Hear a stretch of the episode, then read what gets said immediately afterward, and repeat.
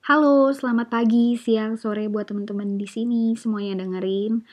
Anyway, aku banyak banget terima DM, habis itu WhatsApp, call juga buat nanyain gimana kabarnya. Terima kasih buat teman-teman dan keluarga.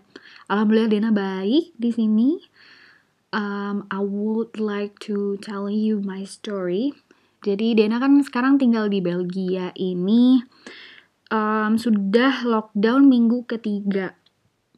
Nah, I want to tell you how my story to cope with these current situations. So the first week, um, it was bener-bener bored. Terus habis itu, you are not able to work. Karena aku juga kerjanya kan di nail store gitu, di mana emang harus berhadapan terus sama tangan klien. Jadi um, memang tidak disarankan untuk buka Terus habis itu aku juga tinggal di kosan dan kosan aku tuh kayak tempatnya kecil. Ya kamu cuman masuk, bayangin buka pintu, habis itu kasur, eh, meja dan kursi udah gitu doang. Seboring itu. Terus nggak bisa keluar juga kan dan kalau menurut aku nih kalau misalnya udah kelamaan seharian di ruangan itu bakal jadi kayak bosen gitu loh tiba-tiba lemes apa mungkin karena nggak dapat sinar matahari gitu. Jadi kadang suka keluar paling nggak 10 atau 15 menit dan itu pun juga kayak jaga jarak sama orang-orang. Kalau masker sih nggak pakai kecuali groceries. Itu pun grocery supaya orang um, keep distance saja gitu supaya nggak terlalu deket terus habis itu udah mulai khawatir nanya aduh ini tuh sampai kapan sih? Gitu. Kayak berapa ya kira-kira kerugiannya yang aku tanggung? Terus apakah saving account yang aku punya cukup untuk bertahan? Gitu. Terus ngerasain juga anxiety nggak bisa tidur nggak enak makan. Terus apa lagi? Jerawatan Um, aku mau cerita dulu tentang condition in Belgium so far per hari ini tanggal 26 Maret itu sudah ada 6.200 orang yang terinfeksi dan sudah lebih dari 1 juta orang yang nggak bisa kerja. Um, di sini masih diperboleh, diperbolehkan walking, cycling, jogging um, sendiri kalaupun mau bareng sama partner harus dengan orang yang tinggalnya satu rumah gitu. Dan di sini juga kayak dicek sama polisi. Kalau misalnya kamu keluar dengan kepentingan yang sebenarnya tidak penting nggak penting-penting banget gitu kamu dapat denda gitu sih. Terus kalau misalnya groceries kamu cuma boleh sendiri. Itu pun ada ukurannya setiap store cuman boleh satu orang per 10 meter kubik. Jadi tergantung besar si store ini dan um, ngantri juga ada line-nya gitu dibatasin. Terus lebih dianjurkan untuk bayar pakai kartu daripada cash. Nah, untungnya buat um, para populasi enggak buat para penduduk di sini yang nggak bisa kerja, mereka dapat subsidi dari pemerintah untuk um, keperluan bayar um, electricity sama air gitu. How to cope with this current situations?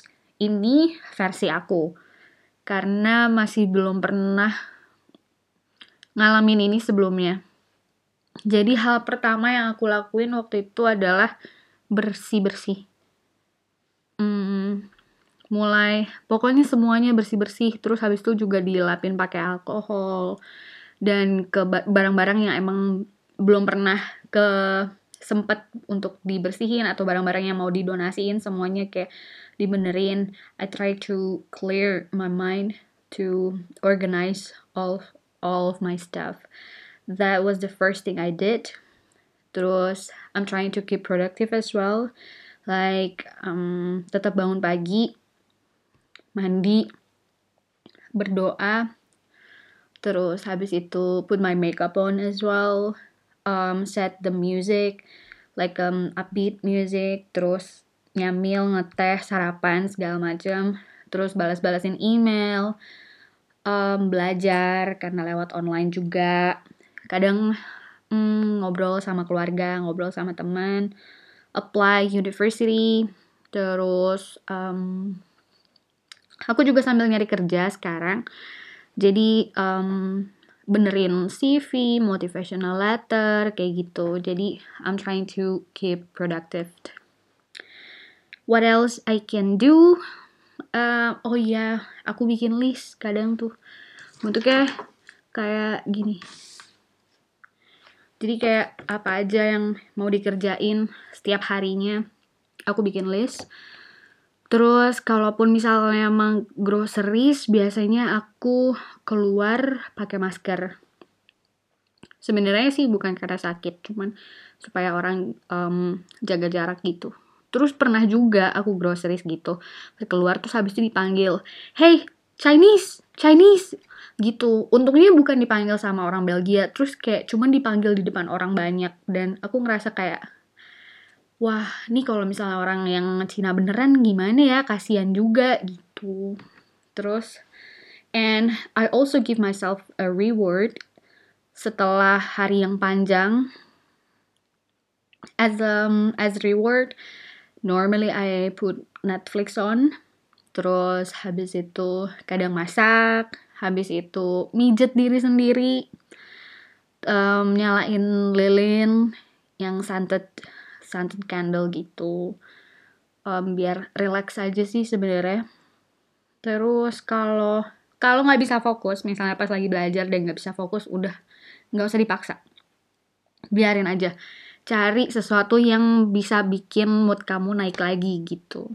Terus tapi um, di satu sisi ini bukan bukan sisi positif dari lockdown tapi sebenarnya apa yang bisa aku ambil um, apa yang bisa aku pelajarin bahwa ternyata dana darurat itu penting.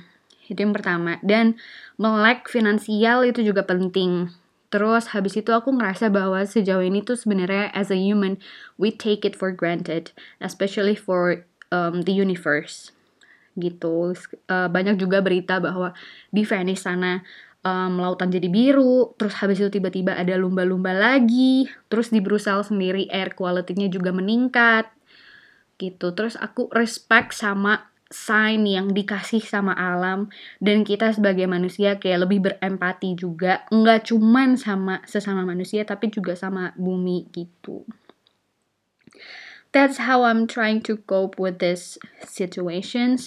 I hope um ya gimana ya? Aku cuman bisa bilang untuk orang-orang yang punya privilege orang-orang yang punya luxuries to do these things to stay at home. Please stay at home. Tapi aku juga berharap buat teman-teman um, ojek online buat teman-teman yang kerja di hospital semuanya juga bisa sama-sama solidaritas dan kita akan melewati situasi ini. Amin. Not only stay healthy but also stay sane I'll see you in the next episode. Thank you so much. Bye.